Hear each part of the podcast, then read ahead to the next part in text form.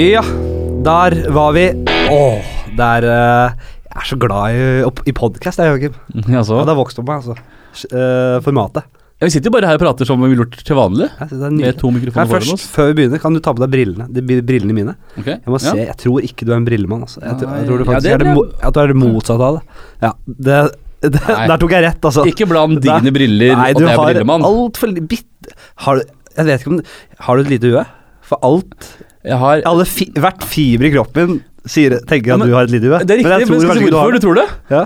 Dette er en sånn dårlig beskjult hemmelighet, men det er fordi jeg har en veldig lang hals. ja, er det det? ja, jeg har ganske lang hals. Ja. Og så er det lite hode på toppen. Dumme hodet som satt på toppen ut. her, ja. Og det, Nei, jeg, eh, jeg, er, jeg er jo for så vidt en brillemann, men jeg, jeg har ikke sjans til å gå med, med Dette vet du jo. Med hatt og lue og sånn. Aldri, Mm. Det går ikke an, altså. Og det er lu... jeg vil nesten påstå alt fra halsen og opp, ja. Jeg, jeg, Annet enn briller. Er du litt off på? ja, for, ja, hals kan jeg gå med.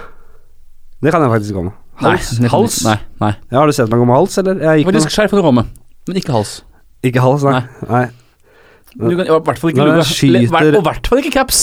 Ja. Caps kan du ikke gå med, faktisk. Nei, det ser så dumt ut. Ja. Uh, ok, jeg vet hvor, hvor bevandret Jeg vet ikke, du, du er ikke bevandret, men hvor interessert er du i, i, i narkismiljøet i Oslo? Hvor mye følger du med på gjengen om dagen? Ikke så mye som jeg burde gjort. Nei, for jeg følger jo en del med. Jeg, jeg, jeg er interessert. Jeg, jeg ser og går ofte forbi bussholdeplass, eh, busstoppet i, i Storgata. Eh, ofte liksom på Oslo S. Ikke ofte, men jeg følger Se, hvem er det som er Hvem er, hvem er, det som er der? Jeg syns det er interessant. Og det, det er en skikkelse i, by, eh, i bybildet som jeg så for første gang her, for, her om dagen. Og det er en litt av en skikkelse vi snakker om. Jeg, vi, vi, jeg ga han, eh, jeg ga han navnet Professor Sølvrev. ja, fordi han her er en Jeg tror ikke han er helt på toppen, men han er i hvert fall helt på toppen i mellomsjiktet. Ja, riktig, han er i hvert fall ikke på bånn, det nekter jeg å tro. Han, men han er helt på kjøret. Han er helt på felgen. Men han kler seg jævlig godt. Fint. Han kler seg, han er veldig velkledd. Og han har en, vel, en finkjemmet uh, sølvmanke som og jeg, og jeg tenker og han, han, jeg, Første gang jeg så han, så gikk han med to andre narkiser. De gikk med knekken i full fart. De skulle et eller annet. Han hadde en hel flaske, en, hel, en, en litersflaske med helmelk, og, og, Ja. og gikk i full driv bortover. Men han, han var velkledd. Han hadde dressjakke. øh, Tilsynelatende velkledd, da. Jo, jo, selvfølgelig. Men han hadde i hvert fall dressjakke og fine bukser tilsynelatende, og denne sølvmanken. Jeg ble helt Men det hører Henrik. jeg ble helt revet med i denne, i denne personen, så jeg, jeg, jeg, jeg, fulgte, fulgte han. Jeg fulgte etter han, jeg og Oda, kjæresten min. Og da øh, øh, Etter hvert så mistet vi han, da. Men vi bare, jeg snak, tenkte så mye på han, og, og så gikk jeg hjemover senere. Og tror du ikke han dukke opp igjen? Og da sto han, og da fikk han på kloss hold, da. Da sto han og snakka med de andre narkisene, og jeg så trynet hans var så preget av et hardt liv. Så enten så er, har han bare han, har, han så, har han så bra kapasitet at han, selv om han er på kjøret, klarer å opprettholde den fasaden? Eller så har han nylig bikka over. Skjønner du? Nylig så har det bare Så ser du på han Nå, nå klarer han ikke lenger, liksom. Det jeg hører, er at jeg vil ha han på podkasten. Ja, Dette er jo en gjest vi må ha med. ja da må vi ha vakter her. Ja, Han sa- ser ikke tam ut, altså. Han ser helt crazy ut. Men altså, han, Jim går jo på Krav Maga, han. ja, Så han kan jo bare slå ned pikken han hvis det skjer et eller annet. jo, vi kunne banka han hvis han kom aleine. Men det er kanskje ikke helt riktig. Det er kanskje ikke det kuleste å gjøre det heller. Ja, men vi, vi, vi søker jo et trygt podkastmiljø, og vi kan ikke sitte og være livredde. Vi har hatt en MMA-fighter her, Kenneth, og der var vi kjempetrygg. Han er en fin fyr, vi vet jo at han har gode verdier, men han er Vi må i hvert fall ta en prat med han først, før vi får han opp hit. Henrik, alle gode journalister de er går i krigen for å få fram saker. Vi er, noen drar til Syria, andre tar med seg folk inn i studio. Ja. Nei, men det har Bare ta en titt hvis dere er ute, og i hvert fall han er, Jeg tror han, er, han, han henger mye ved Storgata. Jeg har sett han et par ganger i det siste. Nå er jeg oppmerksom på han, så nå ser jeg etter han. Nå er jeg altså åpenbart. Ja, jeg ser etter han hver gang jeg går forbi. Han står der med Jeg, jeg, jeg, måtte, jeg kom jo litt på kloss hold den andre gangen jeg så han den dagen. Og da så jeg at han Han har jo bare en dressjakke og en dressbukse, men det er jo ikke De er jo ikke st st nystrøkne. Uh, Selv om håret er faktisk helt der oppe. Helt i verden. Den, er, den, den, den hadde Jan Thomas uh, gått god for, faktisk. Altså. Den er veldig bra. Er det terskelen hans Terskelen for Jeg at han tenker han så foran speilet om morgenen, da. Ja, selvfølgelig. Tenk å stå foran speilet om morgenen med å nettopp skyte seg en ordentlig eh, hissig Et ordentlig hissig skudd. Eller gjør han det etterpå? Gjør han hel, han gjør hele stellet først, og så går Ja, han han. må være, han må være som en dannet mann. Enhver dannet mann bruker morgenstellet. Han er alltid nykter før han tar morgenstellet. Ja, selvfølgelig, men de gjør det jo. Nei, Han har ikke mange, han har ikke mange eh, verdier igjen. Og, og, og, og rutiner igjen, men akkurat det der, det tror jeg han opprettholder. Jeg tror, jeg tror det er som en sunn nok mann. Hva tror du han heter, da? Fordi jeg tenker at det, han er sånn han, han, han Jeg tror han går, har et sånt navn som Professoren, eller har du sett Professoren, eller? Nei, Professoren har jeg ikke sett på flere måneder nå. Jeg tror han er uh, ja, Ikke sant? Eller, eller Doktoren. Et eller annet. Doktoren også, tenkte jeg først på. Ja, ja. Megleren, kanskje? Husk på det, det Har du sett mye til Megleren? ganske kule navn i det miljøet der, altså. Ja. Jeg tror kanskje det er megler, doktoren er det noen som har sett Greven? Greven, ikke også på. Greven. Grev Sølvrev. Grev Sølvrevens Sølvrevens sønn. Sølvgreven. være. Sølvgreven. Sølvgreven. Ja. Sølvgreven. Doktor Sølvgrev. Så doktor Sølvgrev Ja, men det er ja, Altså, jeg merker jo det selv. Det er nesten som man har lyst til å bli narkoman og kunne ha dem Og kunne bare kle seg greit. Jeg hadde vært den råeste. og få sånne navn. For Henrik, vi skal, vi skal gjøre mye riktig altså for å få sånne kule kallenavn. Ja, Du har F9 er ditt kallenavn nå. Det er jo både helt greit. Men det er jo ikke måte, i det, det, nærheten av noe det er ikke et kallenavn jeg ba om. Nei, nei, det er det er det aldri. Å be om kallenavn er jo det, noe av det rareste du men det er rart hvordan jeg bare har funnet meg i det. F9? Ja, men det er bensin på bålet å si 'det vil jeg ikke ha'. Nei, det går ikke an. Du er ferdig. Da, da blir det verre, da. Ja, jeg, altså, okay. jeg også har et par skadelige skadenavn. Ja. Skadelige kallenavn. hva da? Juk Jukkeren og Nei, limolasja og sånn. Limo-Lasja? Ja. Hvorfor det? Fordi det er så det er mye limo. Er det mye Nei. Jeg skulle kalle en annen for Limo-Chris, og så skjøt det tilbake på meg igjen. Så jeg ble kalt for Limo-Lasja. Vi snakka om hva som, er, hva som ikke er kult på ball. Ja. Eller som er kult på ball før, ikke sant? er jo at man kjører eh, turkis uh, sløyfe og turkis eh, bukseseler og konjakk og tar limo på ball. Ikke sant? Det er som, da var det stilig før. Men hvor lite stilig det er nå.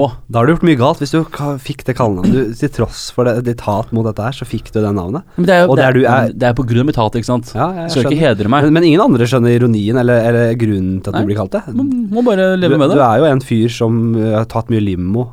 For andre, de som ikke kjenner deg, så er du det. Ja, nå ble jeg det da, i hvert fall, når jeg sier det selv. En som ikke tar så mye limo lenger, uh, det er jo vår uh, mann vi har tatt en samtale med denne gangen. Ja, det er vel det motsatte av limo han tar. Ja, Han tok vel mye limo før, kanskje, for han var jo aksjemegler tidligere. Ja, Apostlenes hester. Han var aksjemegler, og så, og så sluttet han i den jobben. Så, eh, ga opp uh, jaget etter penger, og ble faktisk Munch. Og det Og vi er snakker ikke så mye med han om hvorfor han ble Munch. Det var så mye annet å, å preike om. Det, Ja, det er synd. Men han er ikke en munk som tenker eh, lever i et kloster som en kristen. Han er ikke en Munch med sånn brun kappe og måne. Eh, måne Ja. og langt hår rundt. Det er han ikke. Nei, det, for det også er jo en fantastisk munk. Det er også en munk vi å høre Det, prate det er egentlig en, det som er en Munch for meg. ja, for Så meg. jeg ble jo skuffa når han kom inn her. eh, når han kom over terskelen. Ja, ah, jeg, jeg, jeg skulle jo Når jeg research til han her, så skulle jeg jo gikk på Amazon for å finne boka hans. Ja. Den heter The Broker Who Broke Free. Mm. Og den la jeg til på lista over bøker som er aktuelle for, for min egen del. Og eh, på måte fra dette med liksom anti eh, og ting, og på en måte da heller leve i nuet og, og alt det der, så så jeg på det lå eh, på hva som var tidligere lagt til i listen min over bøker på Amazon. Ja. Og der lå det, eh, av tre tidligere ting som lå der, så var to av dem eh, boken Think and Grow Rich. Eh, så da tok jeg meg i det. Da skjønner jeg at jeg har en vei å gå, jeg også. Ja, ja, ja. Jeg, jeg er jo jeg er på nippet også til å gå i den aksjeverden. ja, du er jo det. Ja, Man har det i seg, vet du. Én ting jeg må nevne. Eh, Jeg nevner en artikkel i denne podkasten. Den heter The Tail End. Så vet dere det. The Tail End. Ja. Jeg, altså, I podkasten som jeg spilt inn, så bruker jeg lang tid på å tenke på hva det var for noe. ja, det. Nå har dere svaret. Ok. Eh, en fantastisk Munch, må jeg få si. Ja. Jeg, han, jeg elsker han. Kjempefin fyr. Og ta kos dere med denne samtalen her. Ja. Oliver Seligman, eller som nå heter Maitreya Ishaya. Nyt det.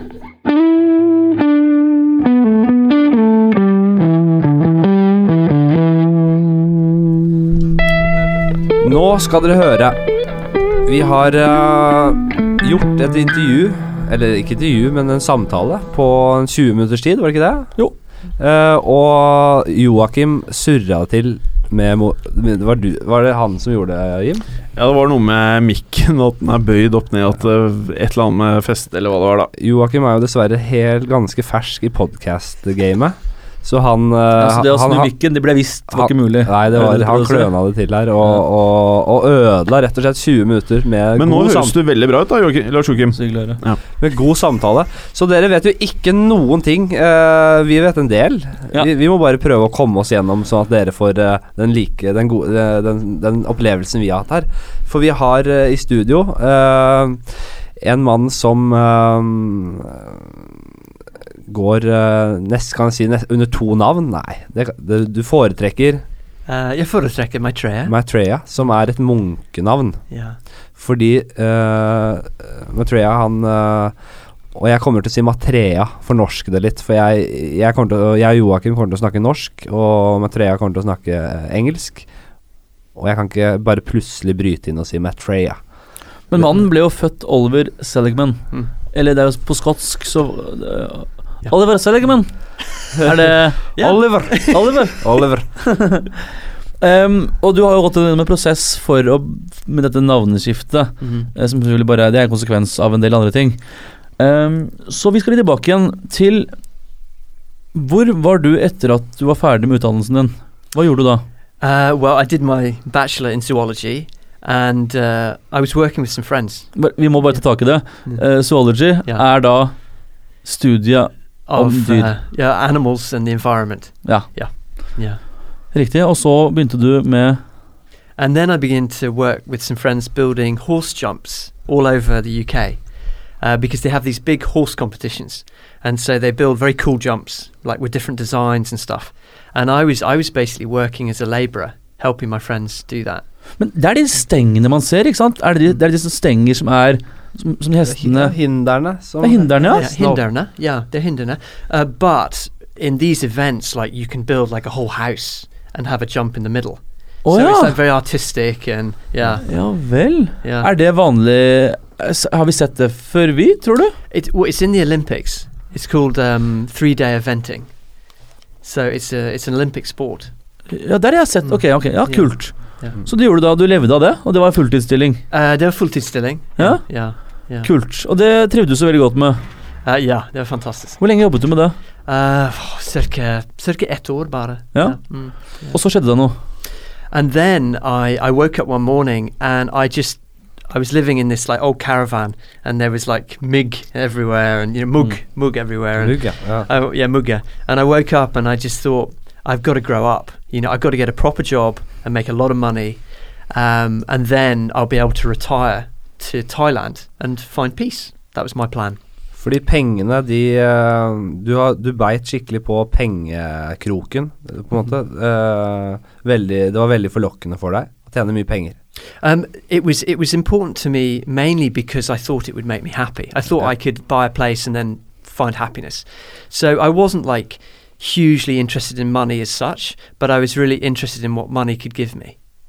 Mm. hva, hva, hva, hva da? Hva var det du drømte om mest? Um, well, I basically dre- dreamt or uh, dreamed of buying a place, probably in Thailand Yeah. it was cheap, Yeah. on the beach somewhere beautiful, and then I could live there and live off the interest or the investments that I'd, I'd made, um, and then I'd be peaceful because I was living on a beach in Thailand. That was my plan. Ja, men det høres ikke så veldig sånn materialistisk uh, ut, akkurat det, da. Det er mange som jager de dyreste bilene. Mm. Garasje med masse biler. Mm. Uh, alle disse tingene. Men du, du, du drømte mer om et, eh, et lykkelig liv. Yeah, definitely. Men jeg tror jeg skal bare skal spekulere, så tror jeg veldig mange av de som etter hvert kjører Lamborghinier og har dyre hus, de starter med eh, å drømme om ti mil. Ikke sant? Mm. Og så får de ti mil, og så, og så, merker de at oi, jeg er jo ikke lykkelig. Og så tenker de ja vel, det var problemet over tallet, da. Jeg må kanskje opp til 100 mil, jeg, da. Mm. 100 mil, når det? Ikke det heller, nei. Da er det milliarder man skal opp på. Jeg tror kanskje For veldig mange så er det en prosess, det også. Ja. Um, så kan være at du over nok tid hadde blitt han som da kanskje ville se til en mellom Lamborghinien eller Ferrarien. Jeg gikk jo på dramalinje på videregående med deg, Joakim. Ja. Og du, um, du gikk jo en helt annen retning enn meg. Som, øh, du, du begynte på Handelshøyskolen i Bergen Stemmer. for, og studerte økonomi. Og hva var det du drømte om? Jeg, jeg skal Hva, hva, hvorfor stopp, sluttet du å ha det gøy og begynte med det? Ja, det er den første feilen du gjør, er å si det, for jeg hadde det utrolig gøy på NHH. Ja. Men um, jeg skal faktisk være ærlig og si at den, den tanken han har der, det er en tanke som ikke for meg er så veldig fremmed. Ja. Det er den å stå på hardt nå og tjene opp kapital, og så kunne trekke seg tilbake igjen. Den er jo, det er en tanke jeg har hatt mange ganger, og har den kanskje liggende fortsatt, Ja. til en viss grad. Så det kjenner jeg meg enig i. Men uh, ja. Det er jo Men da har jeg valgt feil yrke, si. Ja, ja, nei, Jeg drømmer jo om det samme som dere, men jeg tenker jo Jeg har alltid tenkt at uh, vei, veien er målet. At uh, jobb er morsomt. Jobb Mm. er givende, men du må like det du driver med. Og som uh, en klok mann en gang sa, det er ikke Det er ikke mandager som er dårlig. Det er jobben din. Yeah. Det er ikke mandager du hater, det er jobben din. Mm. Det er godt sagt. Ja, men jeg, nå, nå, dette var jo ikke noe direkte det, det var jo bare fritt etter hukommelsen, da. Men det er noe i det. Mm. Men uh, Det, det er bare sånn Ricky Gervais. Han har sagt at, jeg- jeg han har sagt at det er ikke mandagen som er dårlig, det er livet ditt. ja, tror han det er sa. noe sånt, ja. Jeg tror han har fått det fra et annet sted òg, men Sikkert. ja. Eh, men du Nok om oss. Ja, nok om oss, ja. Eh, du Du begynte å jobbe som aksjemegler. Mm. Yeah. Uh, og for dere som har sett uh, Wolf of Wall Street og disse Wall Street-filmene og sånn, så ja, Det er ikke like så dramatisk. De setter det på spissen, selvfølgelig. No, I think I was about 20 years too late. Ja, ja, Ja, vel, ja. Yeah. Ikke sant? Men du, det er litt av et hardkjør. Det er veldig, et veldig stresset hverdag og veldig mye press. Yeah. Kan du fortelle litt om hvordan den hverdagen var? Yeah, I mean, uh, most days, uh, you know, Monday to Friday, I'd get up at about five o'clock in the morning. I'd kind of crawl out of bed, uh, try and avoid the mirror because I usually look terrible. And then I'd jump on my scooter, drive into work. And then usually I'd be at work between, yeah, 6 and 6.30. And um, I would have to sort out the news. I'd have to find out what happened overnight, which shares were doing well, if there was some big catastrophe in the world and figure out what I thought the markets were going to do. And then, and I usually listen to senior traders. I was just a junior trader. Um, and then the rest of the day, I'd be taking orders and watching trades and always on the lookout for news, always on the lookout for what was happening. Because stock prices change so quickly, if you get something wrong or if you miss something, then I could be selling stock for a client and the stock suddenly drops and I miss it and the client loses, you know, five hundred thousand pounds, and they say, "Why did why didn't you call me? You know, why didn't you stop the trade?" So there's this constant. For me, there was this constant tension of I've got to do it right. I've got to be alert all the time. Mm. Ja, du, for det er, det er snakk om veldig mye penger. Ja. Det er eh, kanskje millioner av kroner uh, på yeah. spill her. Yeah, I mean, yeah, og, og, og, og dine kunder eller klienter ser det, det er ditt ansvar. Du er ansatt av dem. Yeah, absolutely. And they would, you know, and they were usually very experienced traders, so they would be watching everything. And I'm this junior, you know, trying not to make mistakes. So it was, super stressful. Eh, men det er ikke Du snakket om i stad Du snakket i stad om at uh, noen liker trives i sånne arbeidsforhold som det, der, som det der. Noen er skapt for det. Ja. Uh, men det var ikke du. No, Nei. not me. No. Kan jeg bare spørre, hva, hva med det var det du ikke trivdes med? Men det, hva, hva, det- hva, hva, hvis du klarer å si noe om det?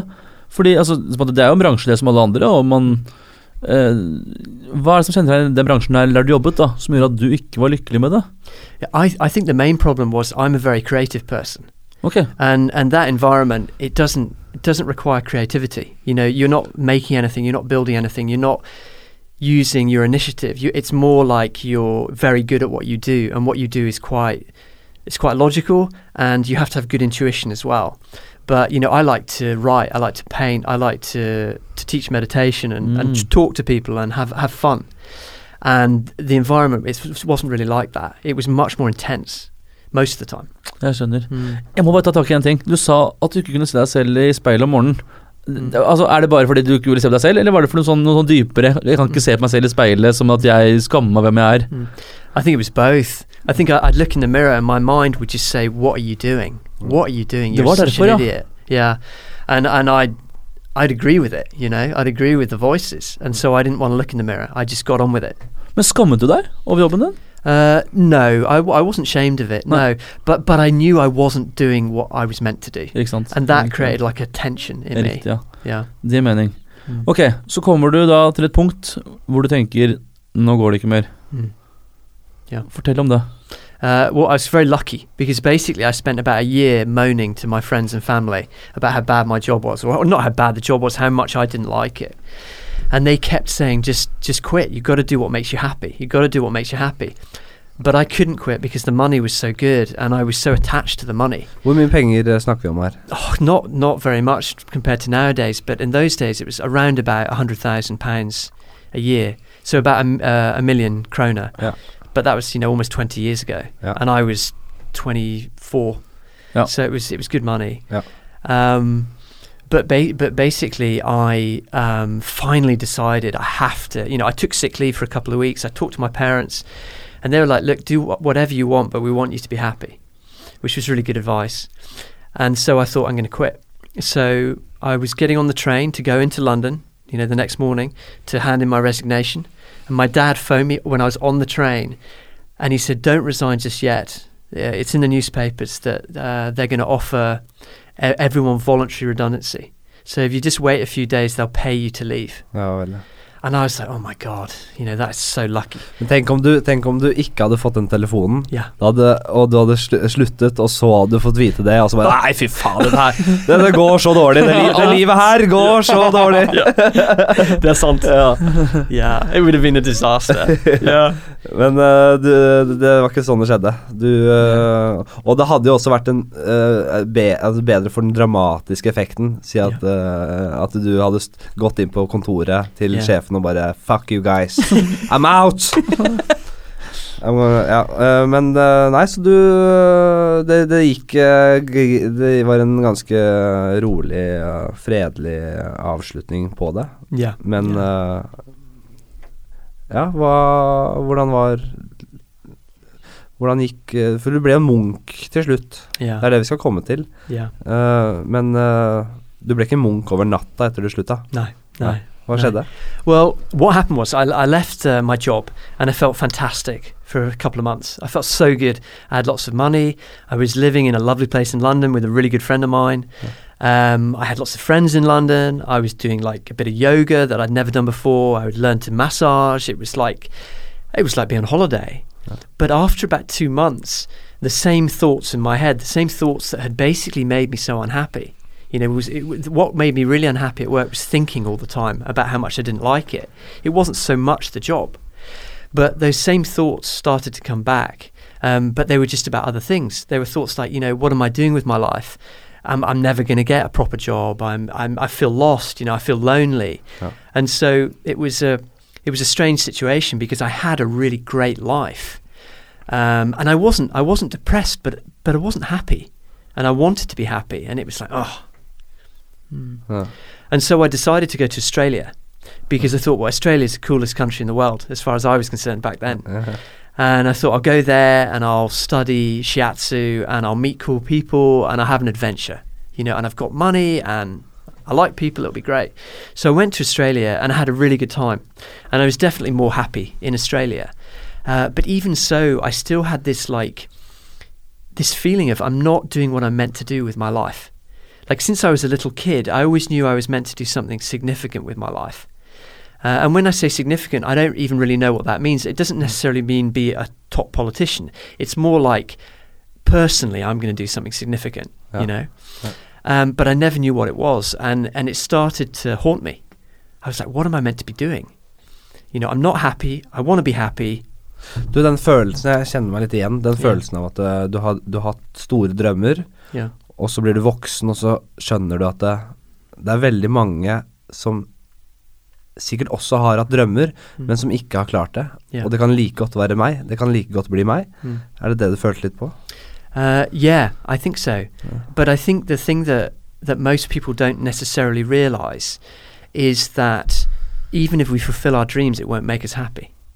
Yeah. You know, you talk about the guy who makes a million and he's not happy. He makes 10 million, he's not happy. He makes a, a billion, he's not happy. Well, what I've seen is it's actually the same with dreams. If someone becomes, I mean, you're not, I've met a few famous people in my life, and none of them would I describe as any more happy than a normal person.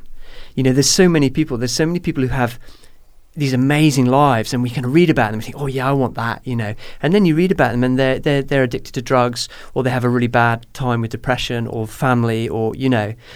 And I, I think that most people's dream Huh. is to be happy, is to be at peace. But the way we're programmed in life is we're programmed that if we get certain things, if we are a success in certain ways, then we'll be happy. Huh. It's not true. You can be really, really happy and, and a failure, or you can be a tremendous success and very unhappy. Ja, Or you er can be both. Ja, jeg vet, det er Yeah. veldig spennende. Så, så, Mm. Det er så mange eksempler. da Se på Justin Bieber, da. Ta han som et eksempel. Som uh, Tenk hvor mange unge mennesker Eller tenk hvor mange mennesker som drømmer om å få det til å bli så stor som han er. En sånn stjerne. Men se på den gutten, da. Han virker ikke særlig lykkelig. Han eh, Det er andre ting som må på plass. Og det er det motsatte av det du oppnår ved å bli en så stor stjerne. For han blir fanget inn i den der eh, tilværelsen sin. Han blir fanget i den der Justin Bie- er, Jeg tror ikke han kjenner seg igjen i, sine, i seg selv lenger. For han, navnet hans har blitt, uh, har blitt stjålet av verden og brukt som et varemerke. Ja, eller jeg, jeg vil ikke si at han nødvendigvis ikke er lykkelig. uh, for det kan være han er lykkelig, men de tingene vi ser fra livet hans, er ikke de tingene som han i så fall gjør han lykkelig. Nei. Det er ikke det at han tjener så mye penger, eller har så, så mange lyttere som har hørt på Spotify, eller som er på konserten hans. Hvis vi ser for kan se hvordan han har det når han er hjemme med moren sin, på en måte hvordan oppfører han seg da? Jeg tror det er bedre tegn på hvordan man er lykkelig eller ikke, Tenk enn de tingene vi ser. Tenk, ja, tenk hvor mange konger eh, opp igjennom historien, og diktatorer, som Der makten bare spiste dem opp og gjorde dem helt grusomme, da. Mm. Eh, og så og kan du ta bare i en moderne historie Saddam Hussein, eh, Gaddafi Mm. Ja. de startet, Hvordan var det de, de startet ikke der de sluttet i det hele tatt. Det spiste dem opp, da. Ja. Og det er veldig øh, Hva er det penger da gjør med Hva er det penger gjør med folk? Og hva er det, hvordan styrer penger hele skuta i dag? Hele verden? Kan vi snakke litt om det? Ja, veldig gjerne. Mm. Hva tenker du om det? Um, well, I don't. I don't think there's anything wrong with money at all, but I think it's an individual's relationship with money that is either good or bad or okay. You know, and there are some people who they they associate money with happiness, with safety, with success, with like all these things that they want, and they think money can give it to them, or the, or fame. Money and fame are actually very similar Yeah. in that way. Yeah. Um, and so for people who think that way, then they're they're, they're probably never going to find a very high level of happiness because the more money they get, it still won't give them happy, but that still won't make them happy. But they they still keep going and they keep trying to make more and more, and then the more they make, they tend not all all of them, but they tend to worry more about losing it because there's so much to lose. Whereas if someone is at peace, if someone is relaxed about money, they can be very very rich and my guess is that they would use a lot of their money to help people because that's just a natural thing to do if you're conscious. You know, if you're a peaceful person. Someone I- I'm I'm I don't know him, but someone like Bill Gates is perhaps a good jeg example of that. samme. Ja. Um, but but there are some people who are very very rich, but they're completely consumed by it. Right. And then there are some people who are spiritual, or at least they say they're spiritual, and they think money's evil and they think it's wrong, and they think you know, I think that's silly. Um, because I think money, when it's used wisely, can really help a lot of people, and it can make everything much easier. Ja, jeg tenker mer på den derre Det litt større bildet, da. At penger Altså er, Penger gjør uh, Ta bare regnskogen, da. Oh. Alle vet at eh, det er en utrolig, utrolig skatt. Regnskogen er en skatt der det Altså, der man finner blueprints da til alt vi lager. Uh, og allikevel så hogges det ned enorme Mm. uh, areal av regnskog hele tiden. Og det er pengestyrt, da. Mm. Alt det der er Kan man øh, spore tilbake til at det er noen som skal tjene penger. Og de som har mest penger, de styrer det. De bestemmer det her, og det er veldig vanskelig å påvirke.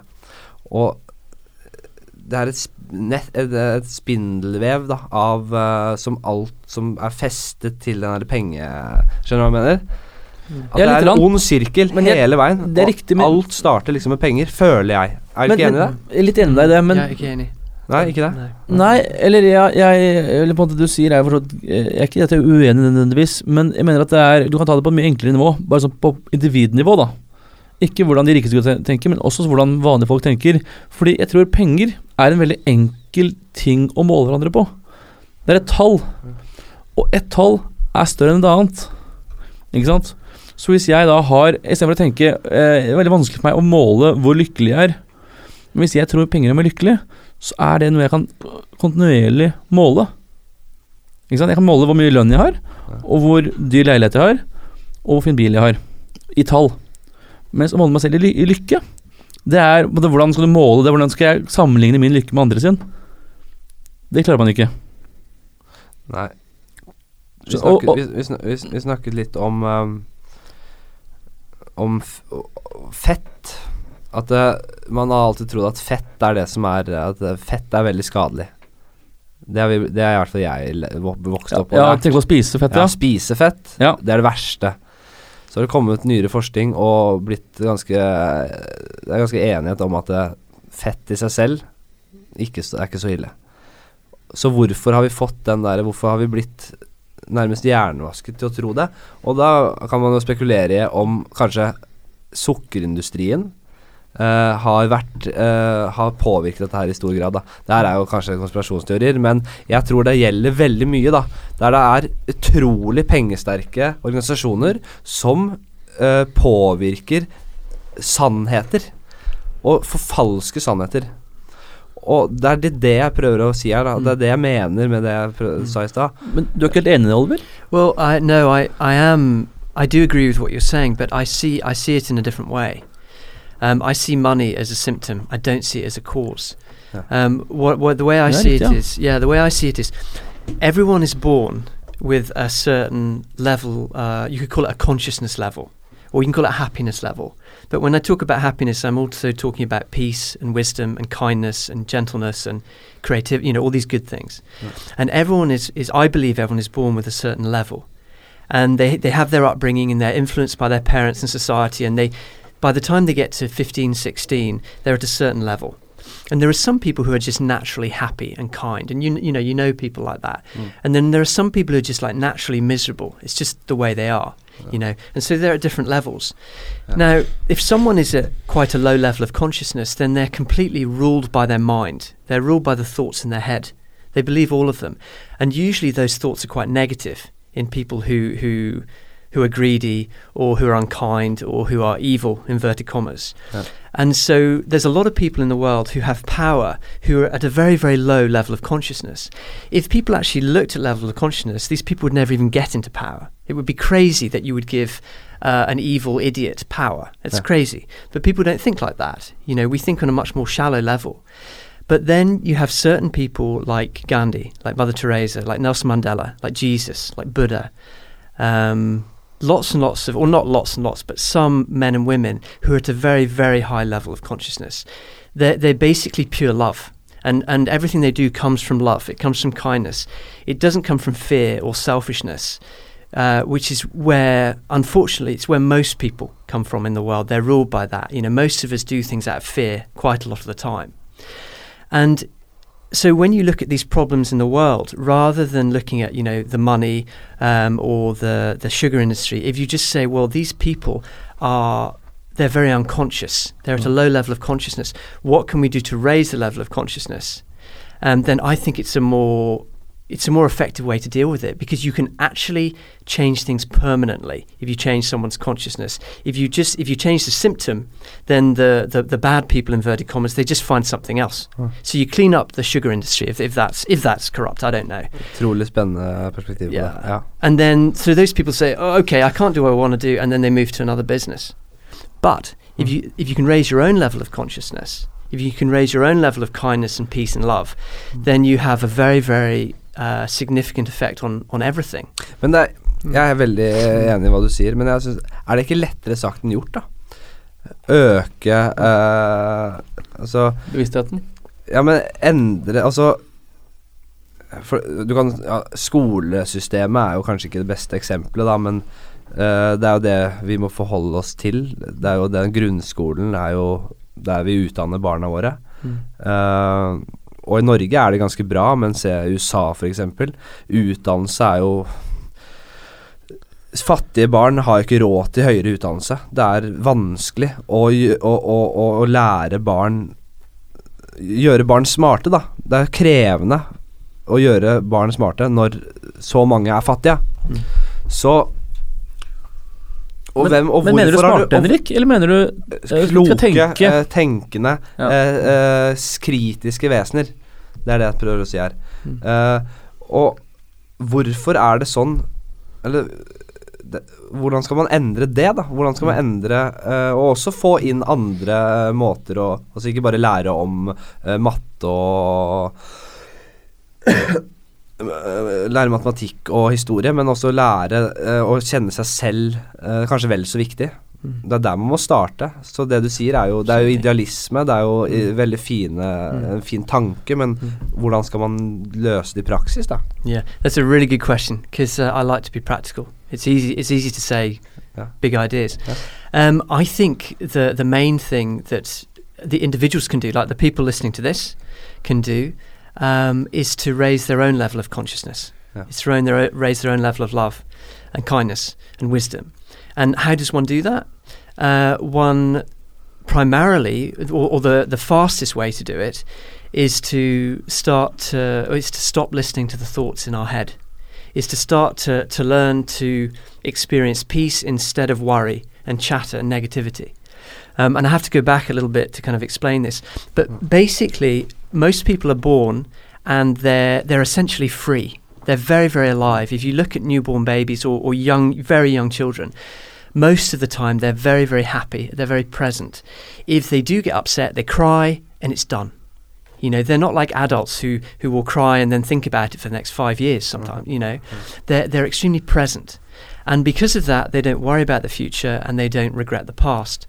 Whereas as we grow up, we have different experiences in our lives, and some we judge as good and some we judge as bad, and some we judge as never again, you know. Um, so, for example, um, have any of you guys got brothers and sisters? Ja. Yeah. Are you guys the oldest or the middle or Yngst. youngest? Yeah. Yeah. Inks, Yes, yeah, yeah. cool. So, and this may not have happened, but perhaps uh, you were born and you were the youngest, and maybe the other kids were jealous of you because suddenly you got all the attention.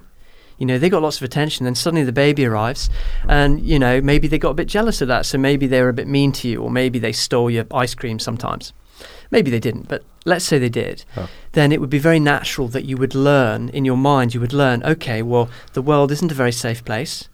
Uh, I can't necessarily trust people who are close to me. Um, I need to protect myself. Very, very normal thing to learn. Nothing wrong with that at all. Hmm. And then you go to school. And were you guys good at school, or were you jokers, or Joker. you joker? Yeah. Eh, Helt ok. Joker. Okay, yeah.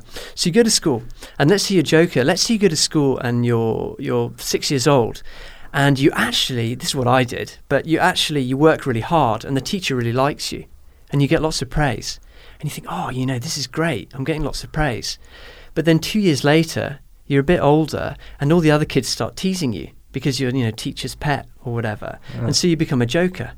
You know, it's like because because in your mind you're thinking, well, if I work really hard, then I'll do well and I'll get praise and I'll get love. You know, so you work really hard, but then people are teasing you, they're mobbing you, or whatever, and you think, I have to try and be someone different to get acceptance and love. Hmm. So in your mind, you're building up all these ideas about the world, and by the time you get to 16, 15 years old, you have like a whole bag of ideas that, that you carry over your shoulder. Some of them are helpful, but most of them aren't because most of them are based on experiences from 10, 15 years ago.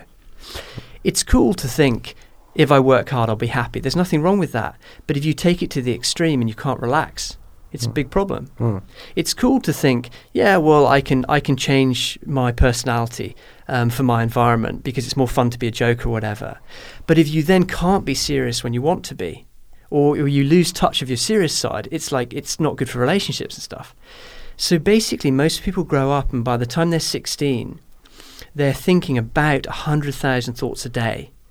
And most of those thoughts are, ne- are, well, they're not all negative, but most of them are repetitive.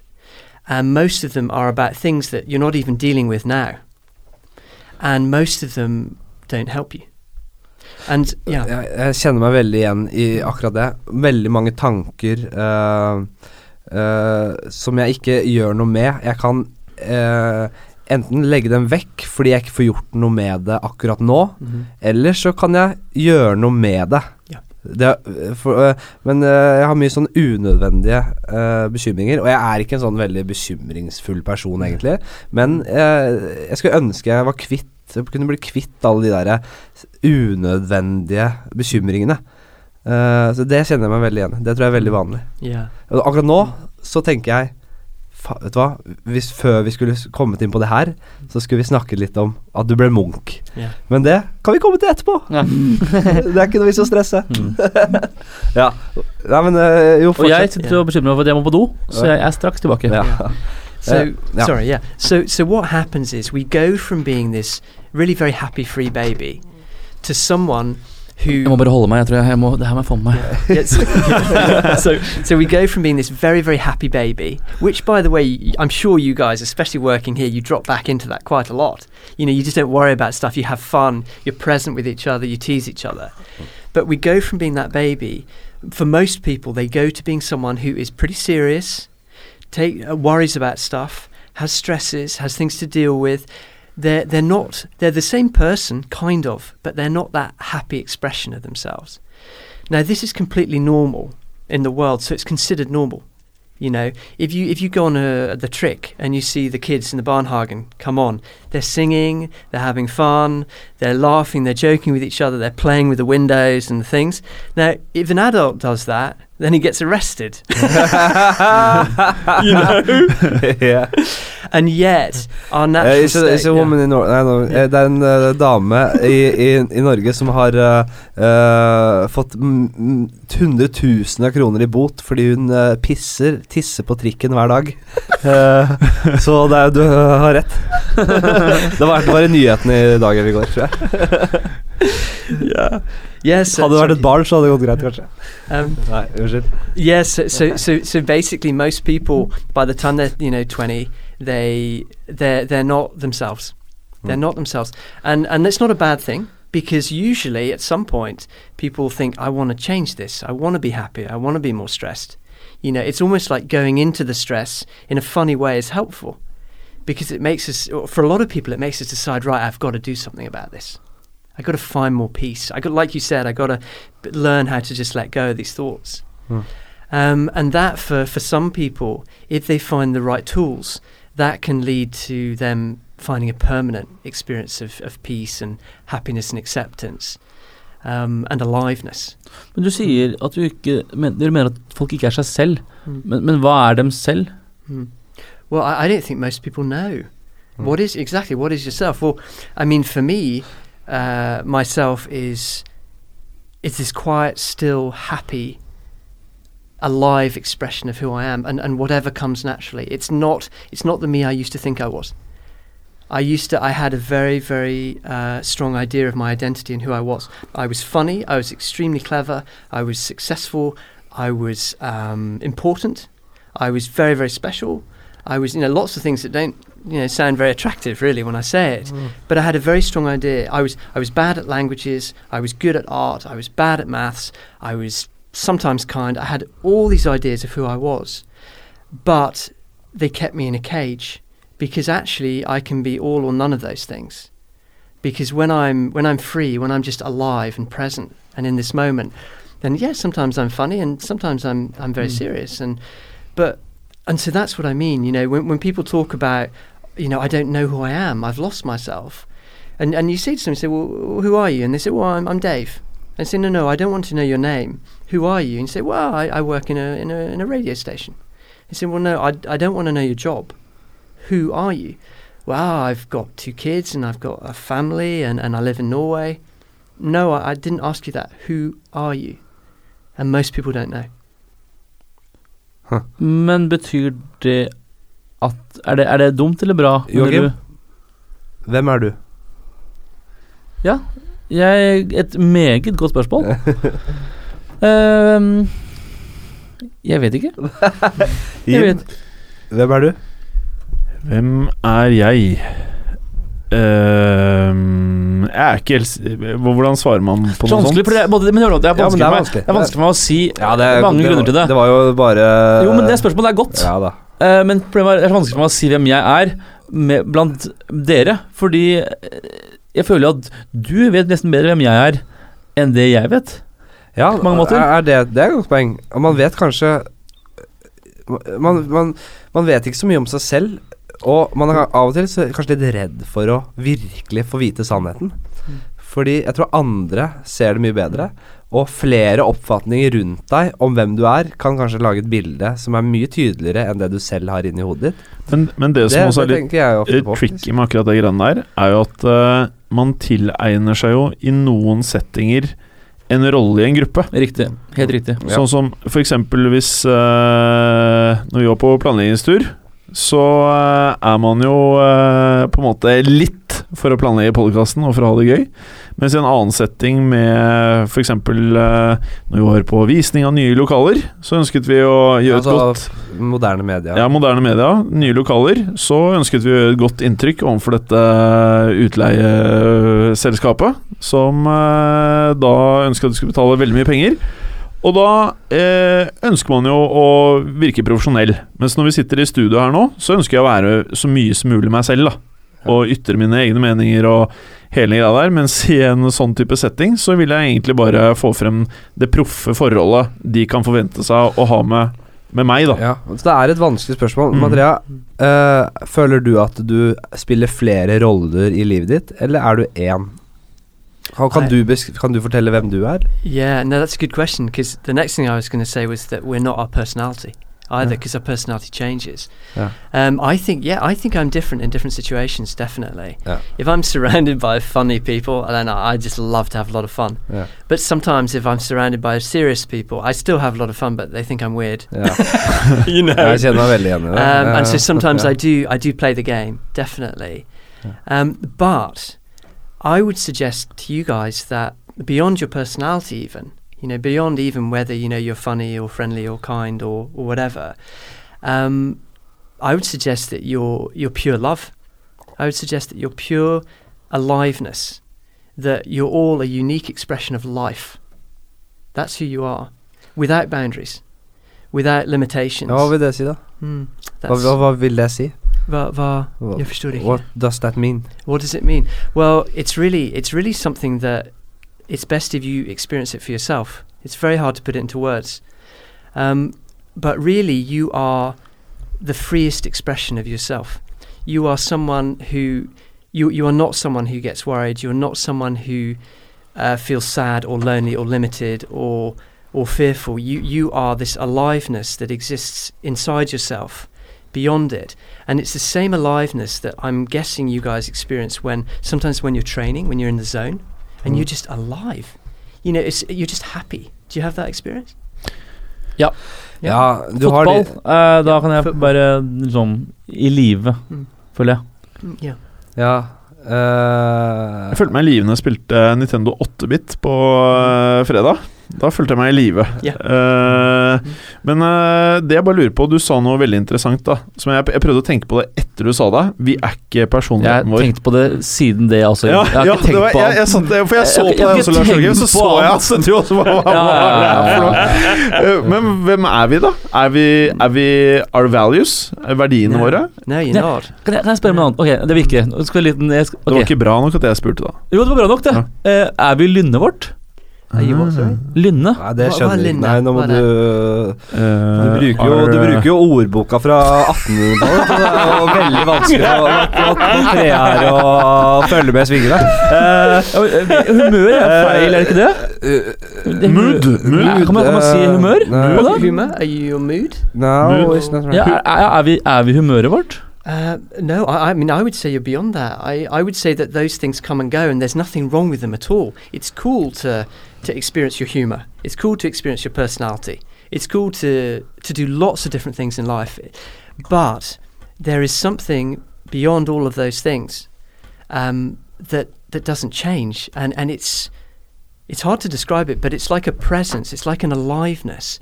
If someone, when you play football, for example, okay, yeah, and and when you're, are you, uh, you must be a forward, Eh, forward? nei, faktisk mid, midfield? midtstopper. midstopper, Eller ja, but you like to go forward.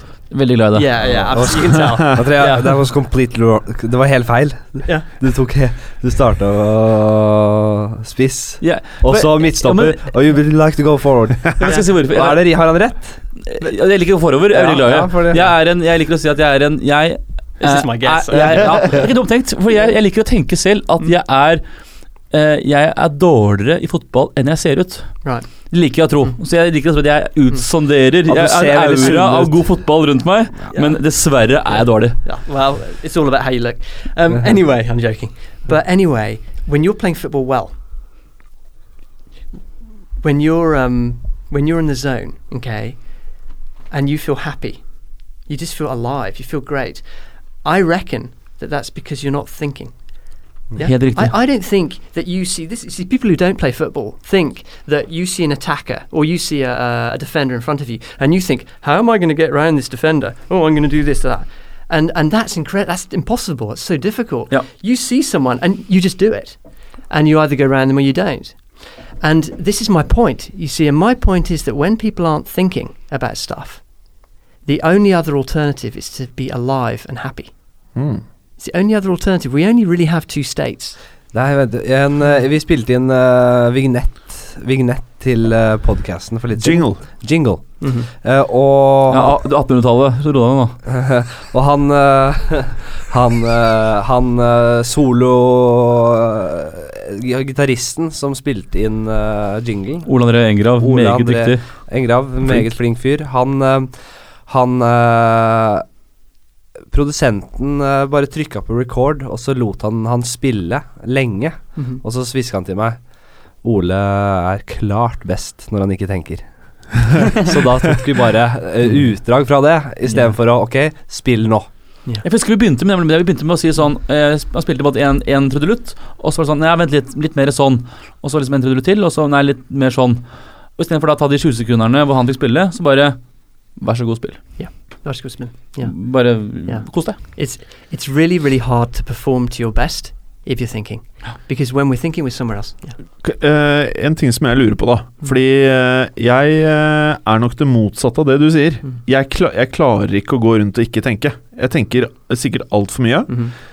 akkurat nå så er sånn som her vi spiller inn podkasten Livet mitt er 24 timer her, da. F- Hvordan eh, vi skal få dette til å funke med 40 podkaster og veldig få ansatte. Hvordan kan man i en hektisk hverdag begynne sakte, men sikkert da Mm. å gjøre noen av de tingene du eh, har klart? Eh, åpenbart. Har du noen tips? Hvordan kan man gjøre det hvis man har mye som skjer i livet sitt? Yeah, yeah. I mean, there are definitely things you can do. Um, the I, I think the the the fastest way to do it that I know is to find a form of meditation that takes you to that aliveness, and then because the aliveness is like a magnet, so once you start to experience it, it starts to grow. Um, I was just like you. I thought the whole time. I didn't know what peace was.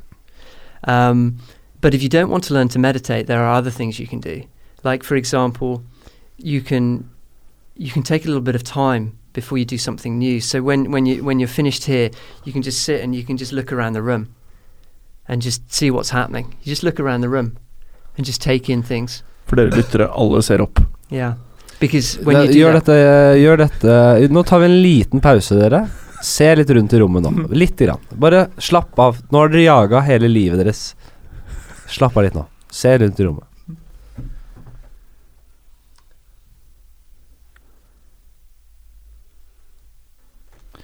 Kanskje det var litt digg, faktisk. Skal, jeg- skal jeg si det? Skal jeg si noe jeg pleier å gjøre, Oliver? Det er mulig du gir meg, eh, gir meg altså Det er en bra ting.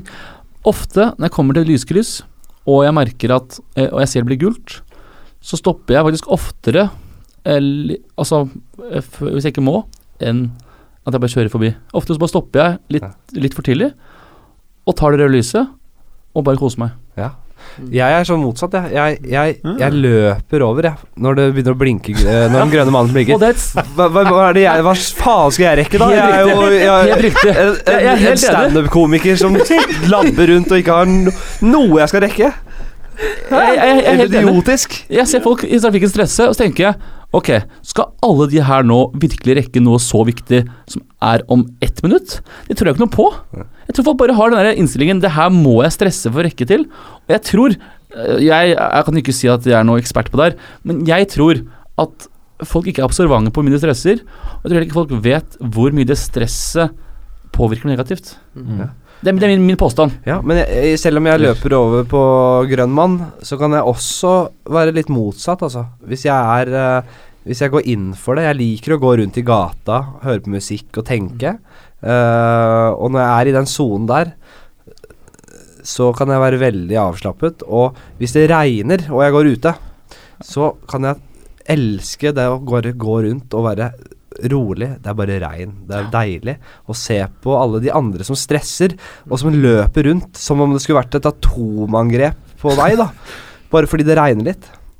Det er uh, veldig mange som ikke har funnet ro. Ja, hvor var vi egentlig? Men, men, Ja. Men kan jeg bare følge opp akkurat det du sa? For at eh, nå så jeg rundt i rommet, og da merker jeg akkurat det du sier, som jeg får når jeg trener. Og derfor så trener jeg fire-fem dager i uken, da. Ja.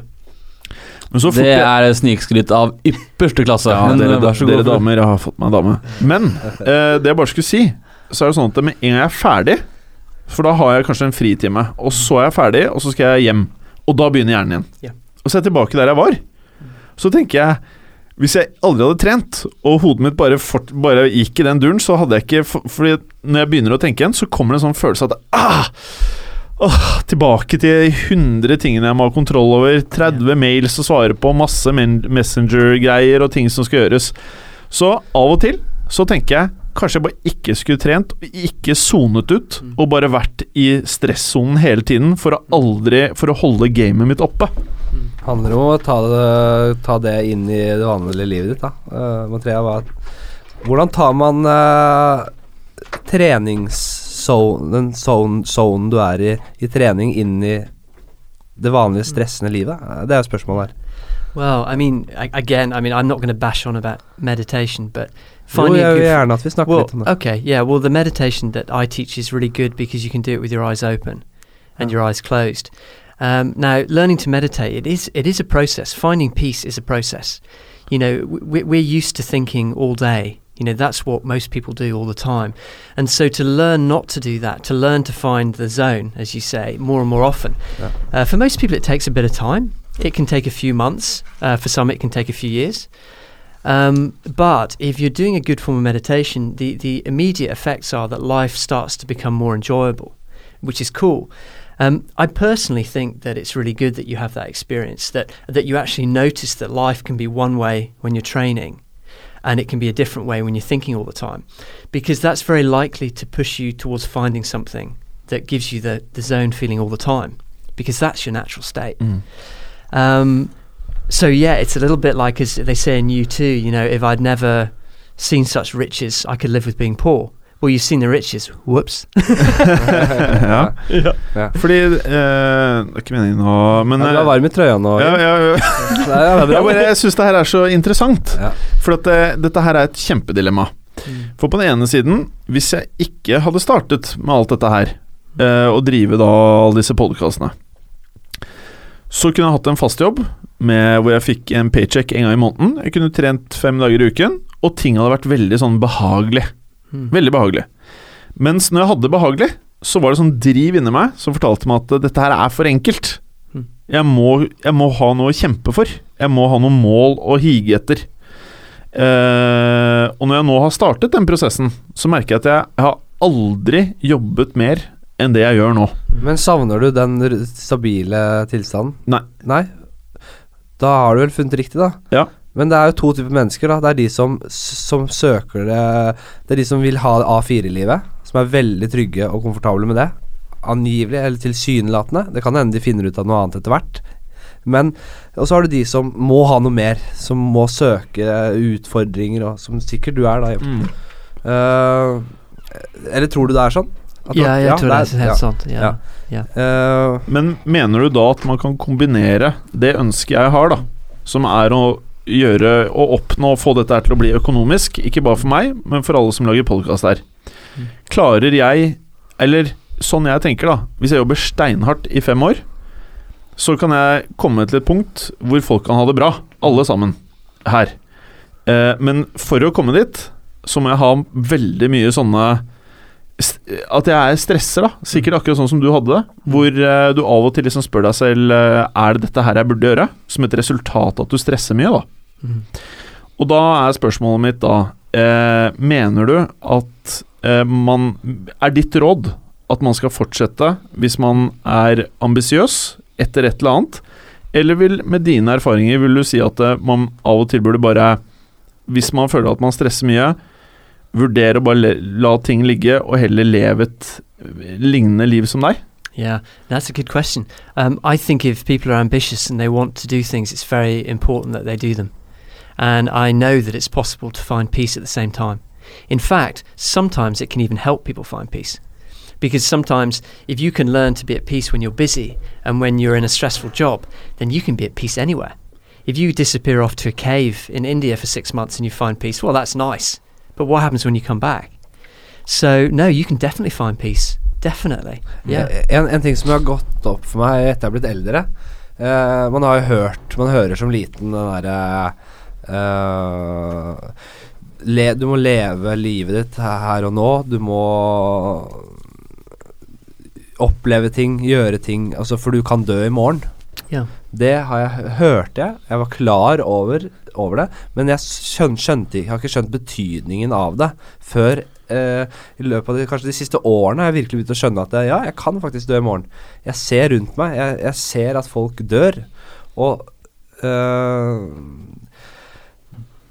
det tror jeg mange som ikke helt klarer å ta innover seg før de blir eh, betydelig eldre enn det jeg er nå.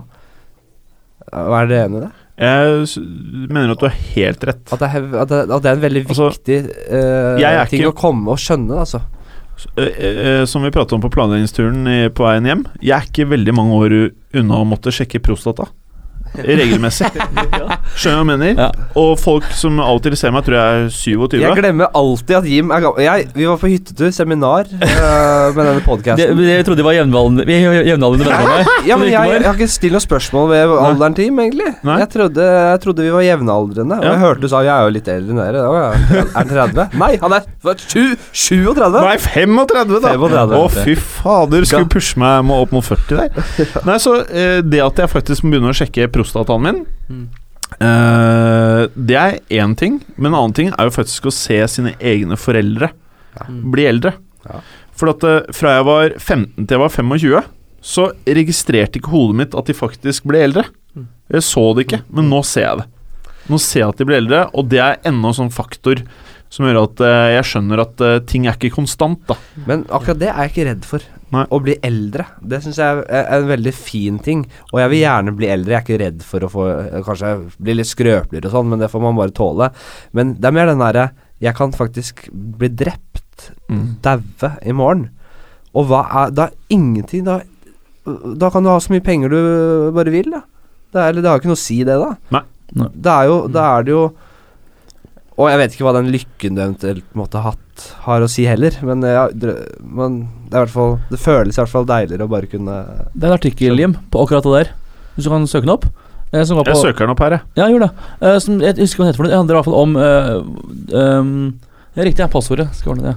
Eh, det dreier seg om eh, når du eh, Hvor mye tid du blant annet har igjen med foreldrene dine når du er 18. For det er sånn Jeg tror det er noe sånt som sånn 95% av tiden du skal tilbringe med dine foreldre, er brukt opp når du er 18. Totalt. Så vil jeg si at du har 5% av den totale mengden med timene du har igjen med 5% av de timene du har fått utdelt med foreldrene, er igjen når du er 18 år. Ah. Det er mange sånne, mange sånne målinger da, på det der og hvor man er igjen. Ble, Og det setter ting virkelig i perspektiv. jeg ble introdusert for en litt et litt spennende syn på hvor lenge man har igjen her om dagen. Og hvis man tenker hvor mange somre har man igjen? Oh. Det, da, da, da ser du det kanskje litt klarere, da. Mm. Si at eh, ja, jeg nærmer meg 30, så sier jeg jeg har en 60 somre igjen, da. Mm.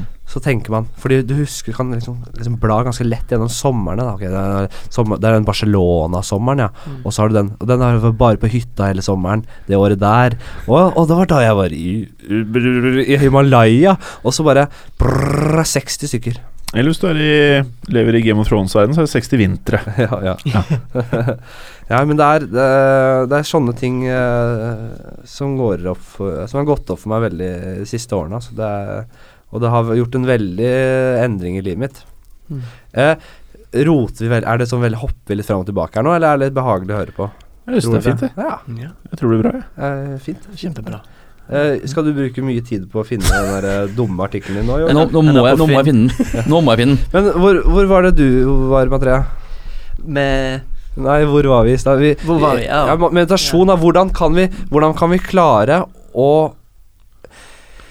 Altså, åpenbart meditasjon, da, eh, er jo løsningen på dette her. Eh, Men jeg sliter litt med å, å, å, å jeg, veldig, jeg skjønner verdien av meditasjon. Jeg har veldig lyst til å få det inn i livet mitt, men per dags dato så har jeg ikke klart å integrere det i livet mitt. Og det tar litt tid for meg å integrere ting i livet mitt. Og jeg skulle ønske jeg kunne bli bedre på det også. Og kjappere få inn ting i livet mitt som jeg vet er nyttig for meg. Mm. Bare det med å høre på podkast.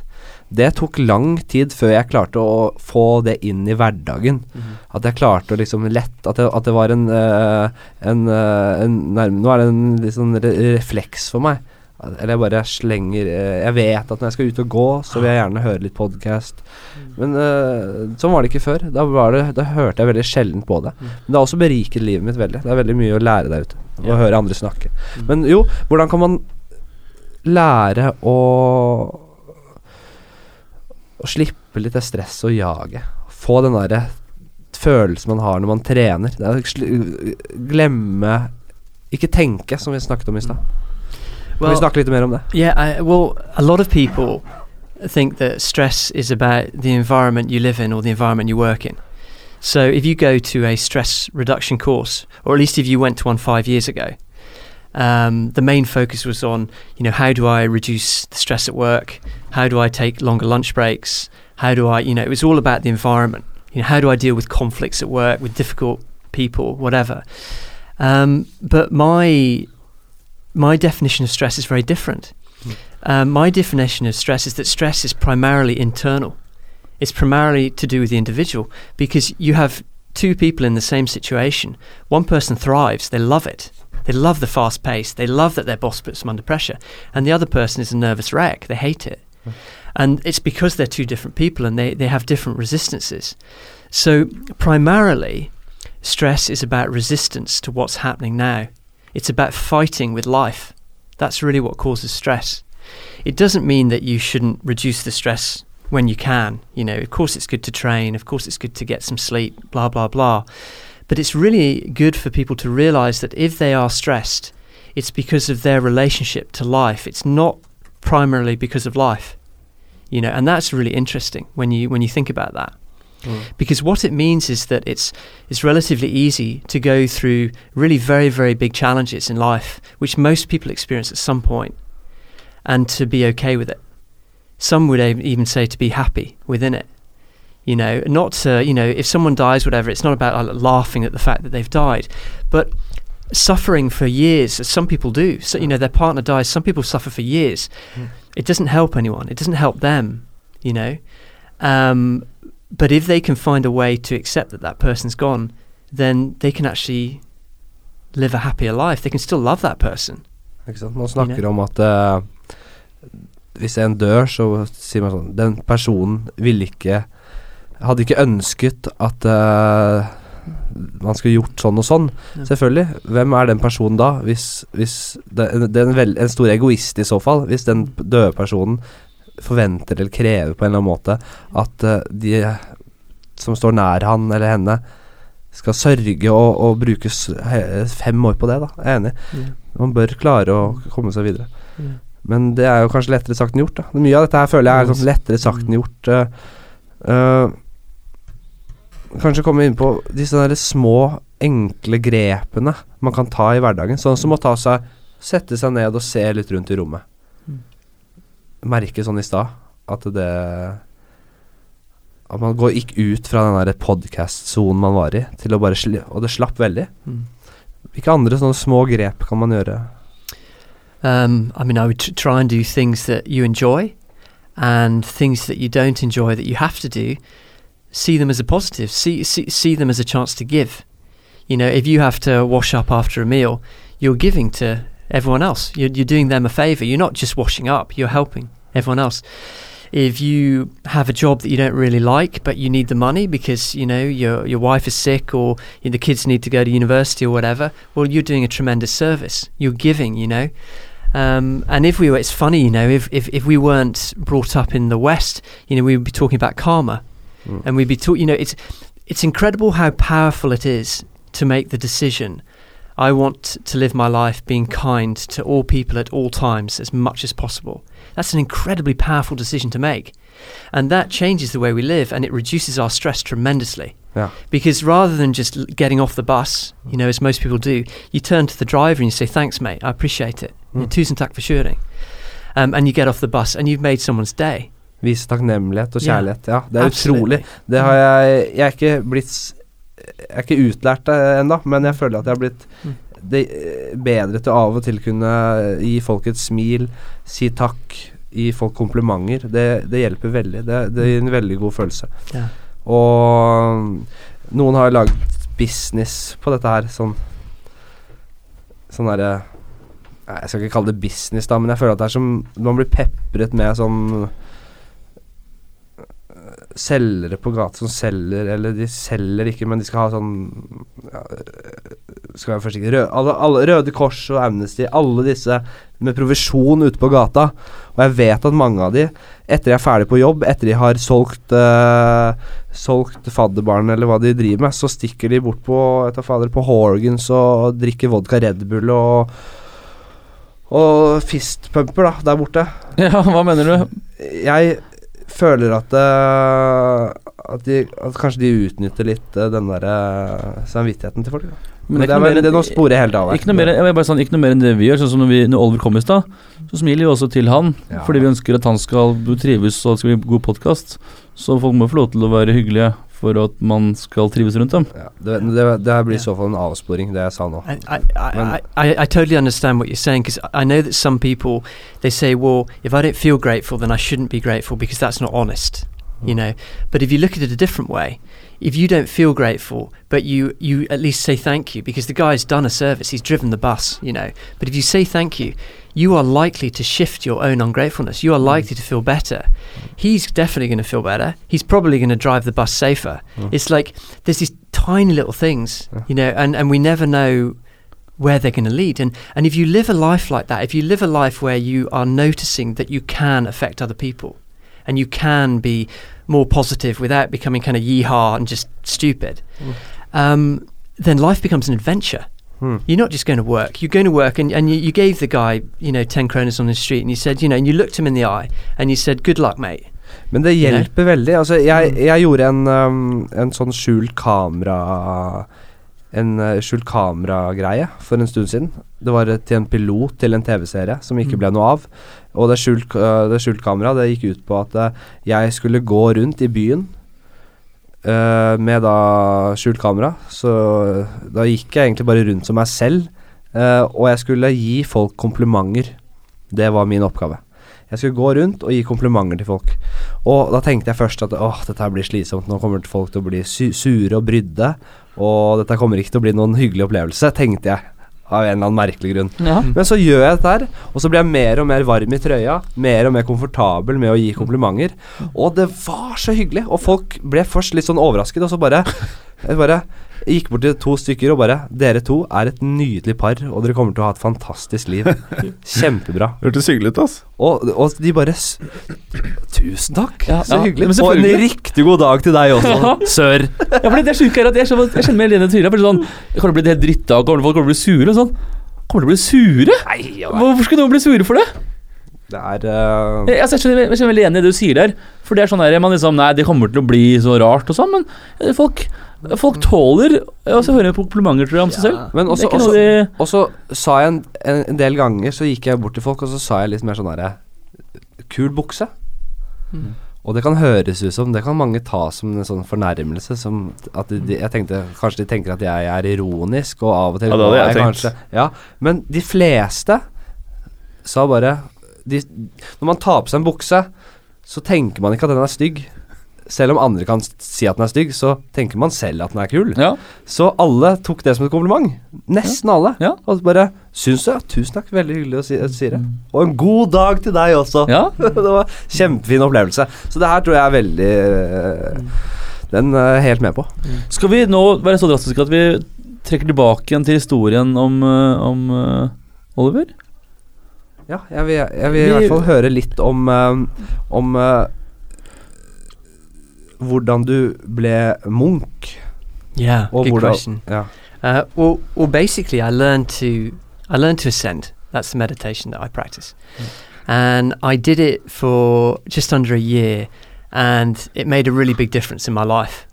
Uh, most people who learn to ascend, they experience quite a lot of peace immediately, but it took me a while. I had such a busy mind. I was just like, whenever I meditated, I was just like, felt bored, basically. But I did it because I noticed the rest of my life was getting better. Yeah.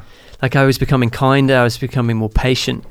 Um, lots and lots of cool things were happening.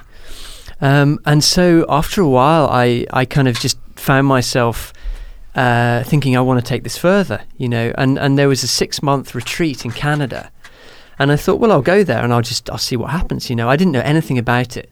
All I knew is that I would become more happy and more peaceful if I went there. That was pretty obvious.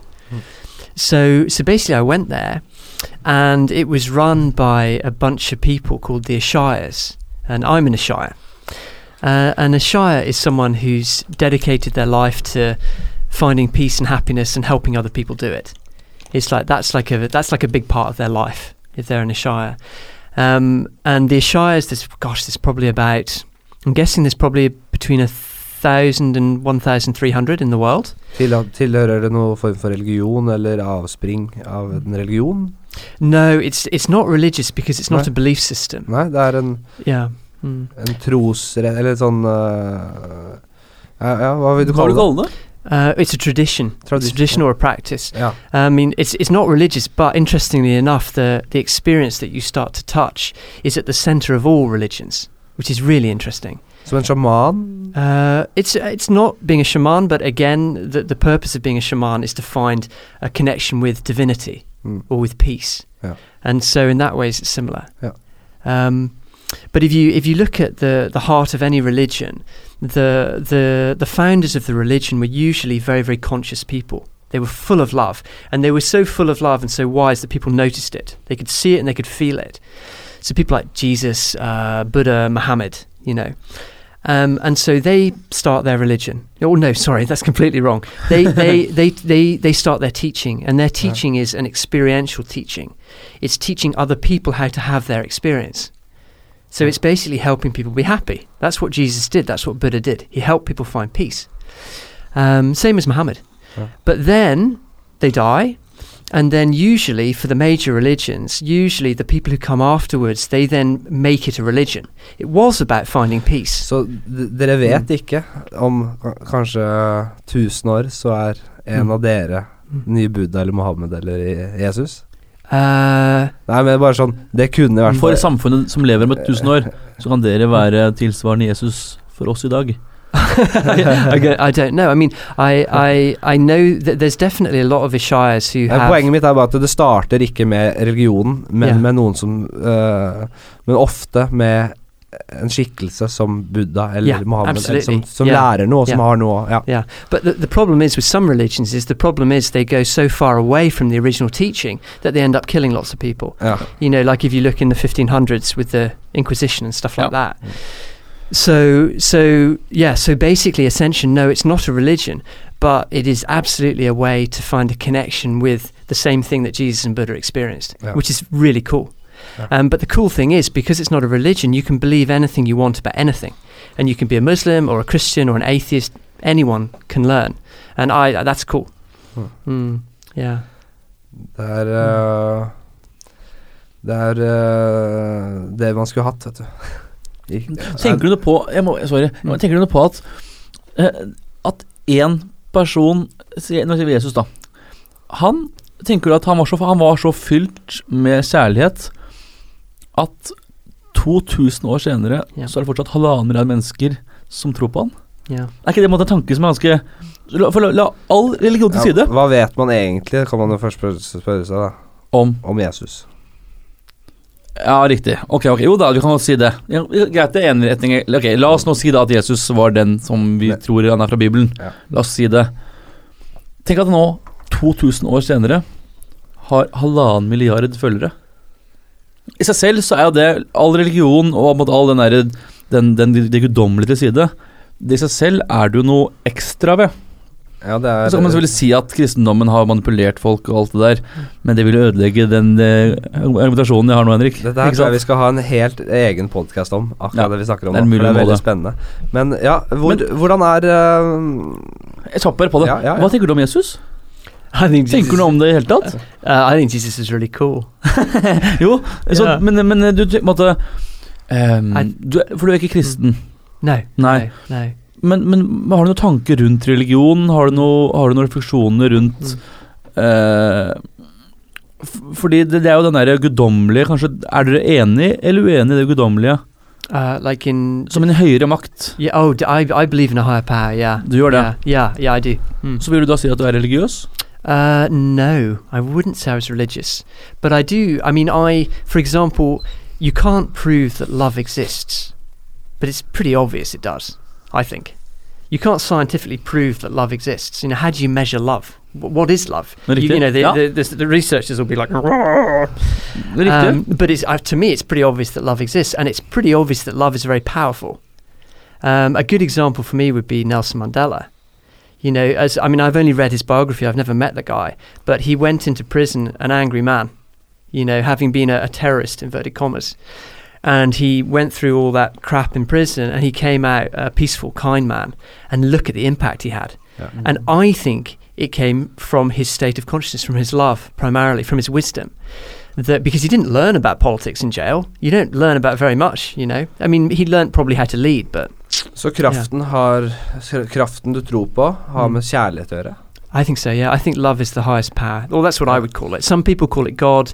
Some people call it other things. Men menneske, mennesker har jo Og da kan vi ta sporet Gå langt tilbake i tid, da, selvfølgelig. Men mennesker har gjennom alle tider skapt alle disse uh, fiktive Veldig mye mange fiktive ting som kjærlighet Altså, vi har, vi har satt ord på det.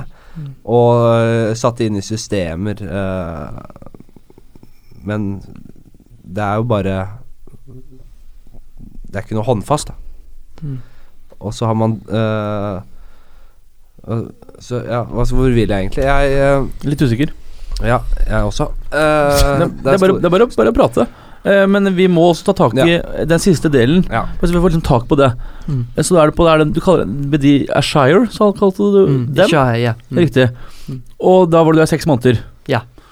Og da lærte du om da denne eh, Denne Denne retning som heter Ishaya. Yeah. Stemmer det? Yeah. Hva er Ishaya? Uh, well, the the Bright Path Shires, that's who I'm a member of. It's the Bright Path Shires. Um, they're a group of people who have taken vows to find more and more peace and happiness in themselves and to help other people do the same if they want to. So that's basically what an Ashire is. And, um, and how peaceful and happy an Ashire is depends really on how long they've been meditating and how far they are on their spiritual path. So we have some teachers who are extremely conscious, and you can you, you hang out with them and they're they're full of love and they're kind and they're fun and you know they're just you can tell there's something very different. And then there's some people like me. When I started, I was all over the place, and I wasn't remotely peaceful. It took me probably two or three years to really start to get more peaceful. So we've To got til tre år, ja. yeah yeah for me yeah I was pretty slow. Jo, men, ja, men det er veldig interessant, fordi jeg tror veldig mange som starter å meditere, tenker at man skal være perfekt i morgen. Ah, Ikke sant? Og Ja. det er jo noe det er, det er vel så verdifullt det, at man hører det. yeah. No. It, I mean, it takes dedication and it takes uh, the desire. You know, you got to want it. It's it doesn't have to be difficult, and for many people, it's very easy. For some people, it's difficult because they fight a lot. For me, for me, it's been quite difficult. Yeah. I, I fought a lot. Yeah. Uh, now it's easy, luckily. But um, but for many people, yeah, it can be very very easy. But it but it usually requires uh, a consistent practice. It usually require requires doing it every day, two or three times for about twenty minutes, and then you really notice the results. So it is it is a bit of a commitment, but it's really worth it. Ja, Åh, jeg bare, jeg- bare, jeg- bare si ja. bare, så, bare, så, bare for, Det stemmer sikkert, det, men jeg tar 15 minutter hver morgen. Mm. For meg så merker jeg veldig forskjell på bare det. altså Mm. Som folk må ikke la seg skremme av uh, jeg, altså, jeg er sikker på at man får bedre effekt av 20 minutter to ganger daglig, men jeg får 15 minutter inn hver morgen, Mm. og, og det alene merker jeg enorm forskjell på. Ja, Med eget humør, ro, gleder, rett og slett. Mm. Man, man, man har den Jeg tror det er den der stressfaktoren som er blir, blir helt annerledes. Man, måtte, man lærer så mye mer bare sitte som nå, sitter jeg her, og så føler jeg at det, føler jeg føler at jeg er her nå.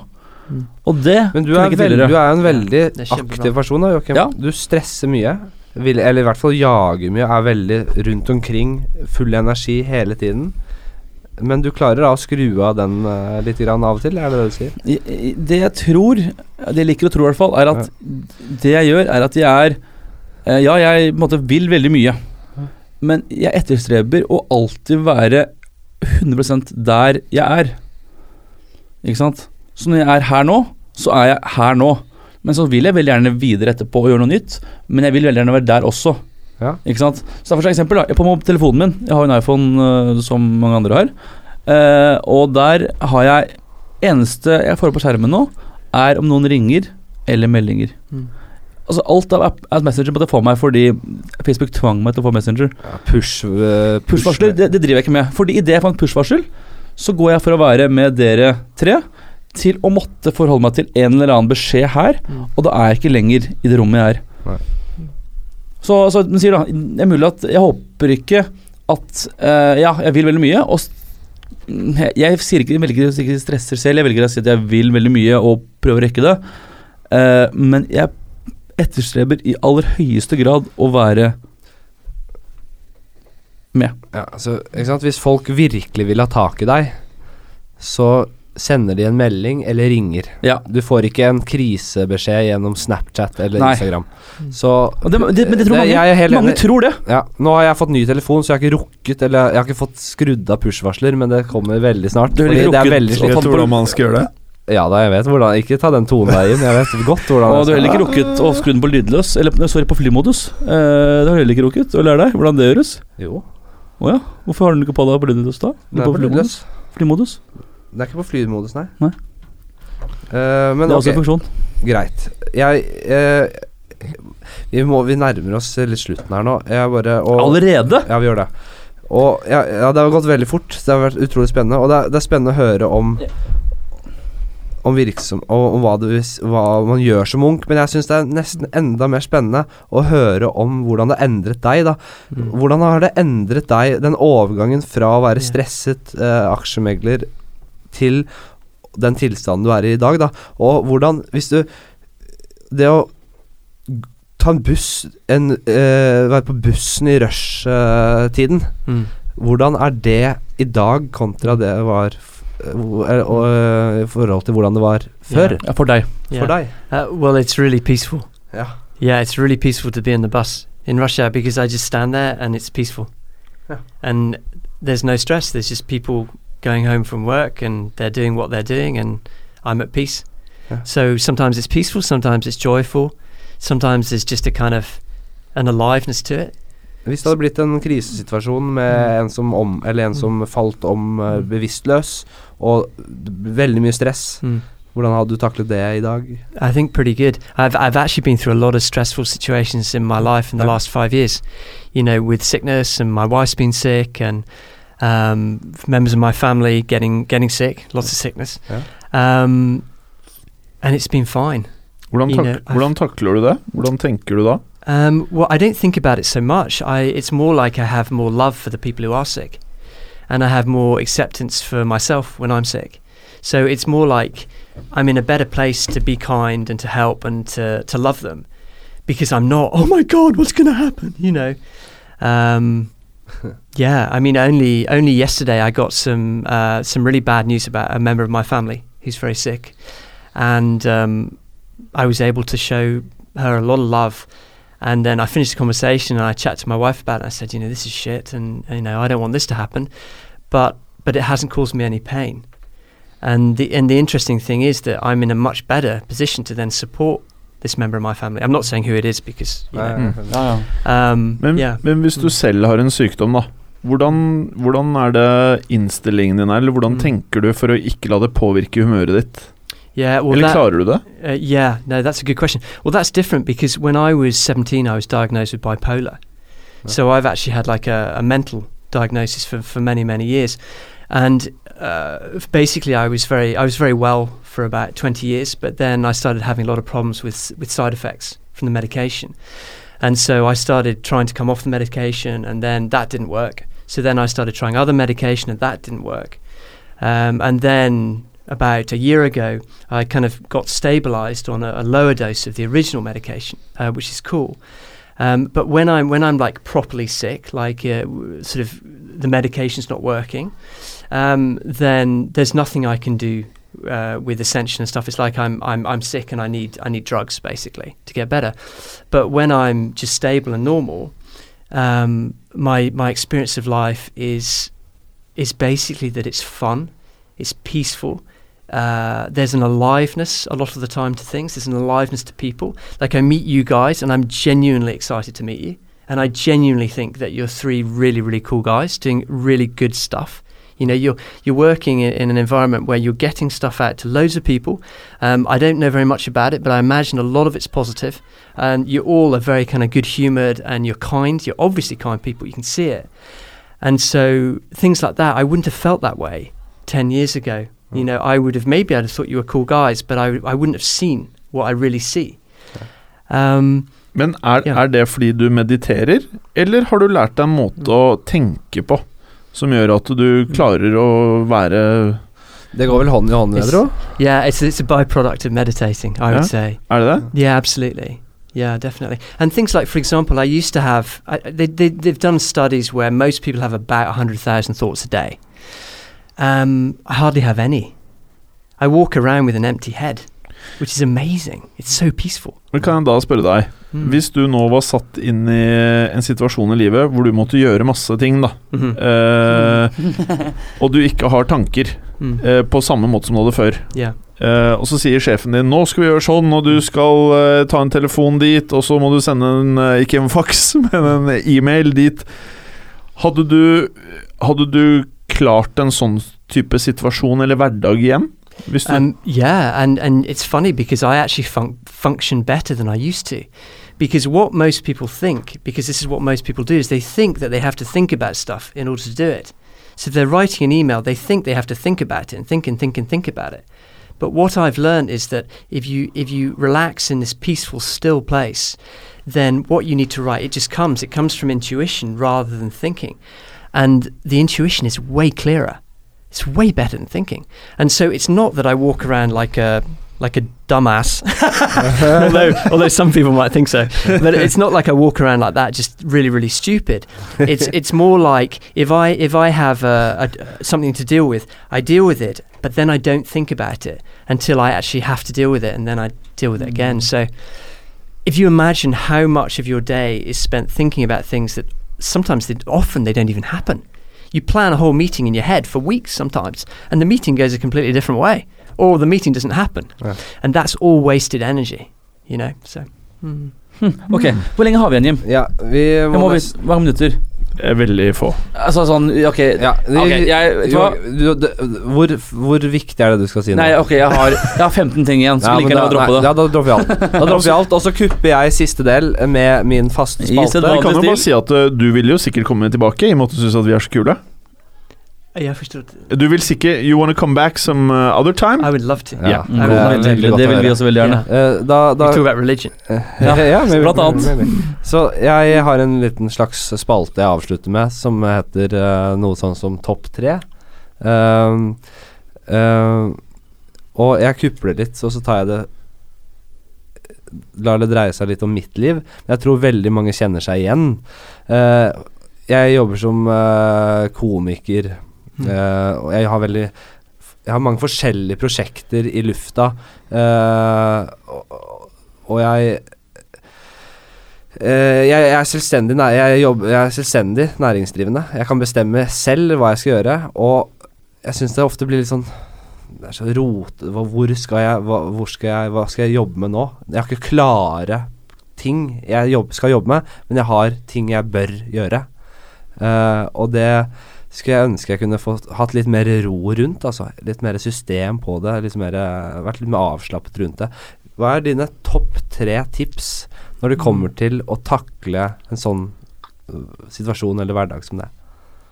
Um, when you drink a cup of coffee, look around the room. Don't talk to people. Just experience the coffee and, and what's there. Do that once a day. That's a really good thing to do. Um, tell people around you who you love that you love them. Tell your parents that you love them. Tell them what's good about them, what, or what you see is good about them, what you appreciate about them. If you do that regularly, that's going to make a big difference too. Right. Um, and when you do feel stressed and when you do feel like that life is, is not going your way or going against you, just stop fighting. Just say, okay, this is the way it is. And then and then suddenly your your blinkers go from kind of being really closed like a, a racehorse and suddenly they go like that. And opportu- uh, solutions are much more likely to come to you r- if you, rather than you trying to fight through. That's what I would suggest. Tusen takk. Hvis, vi, hvis noen har lyst til å lære meditasjon av deg, hvor, hvordan, kontakt, hvordan får man tak i deg?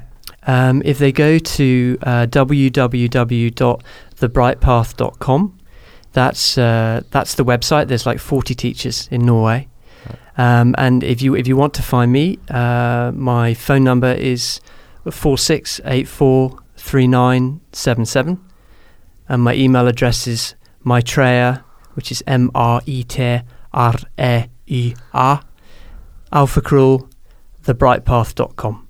Yeah. And anyone's welcome to write to me. I always like talking to people. Mm. Tusen hjertetakk for at du kom. det var veldig hyggelig. Veldig bra. Very cool. Mm, thanks. Well, thanks a lot, you guys. I really appreciate it. Mm. Hei, hei.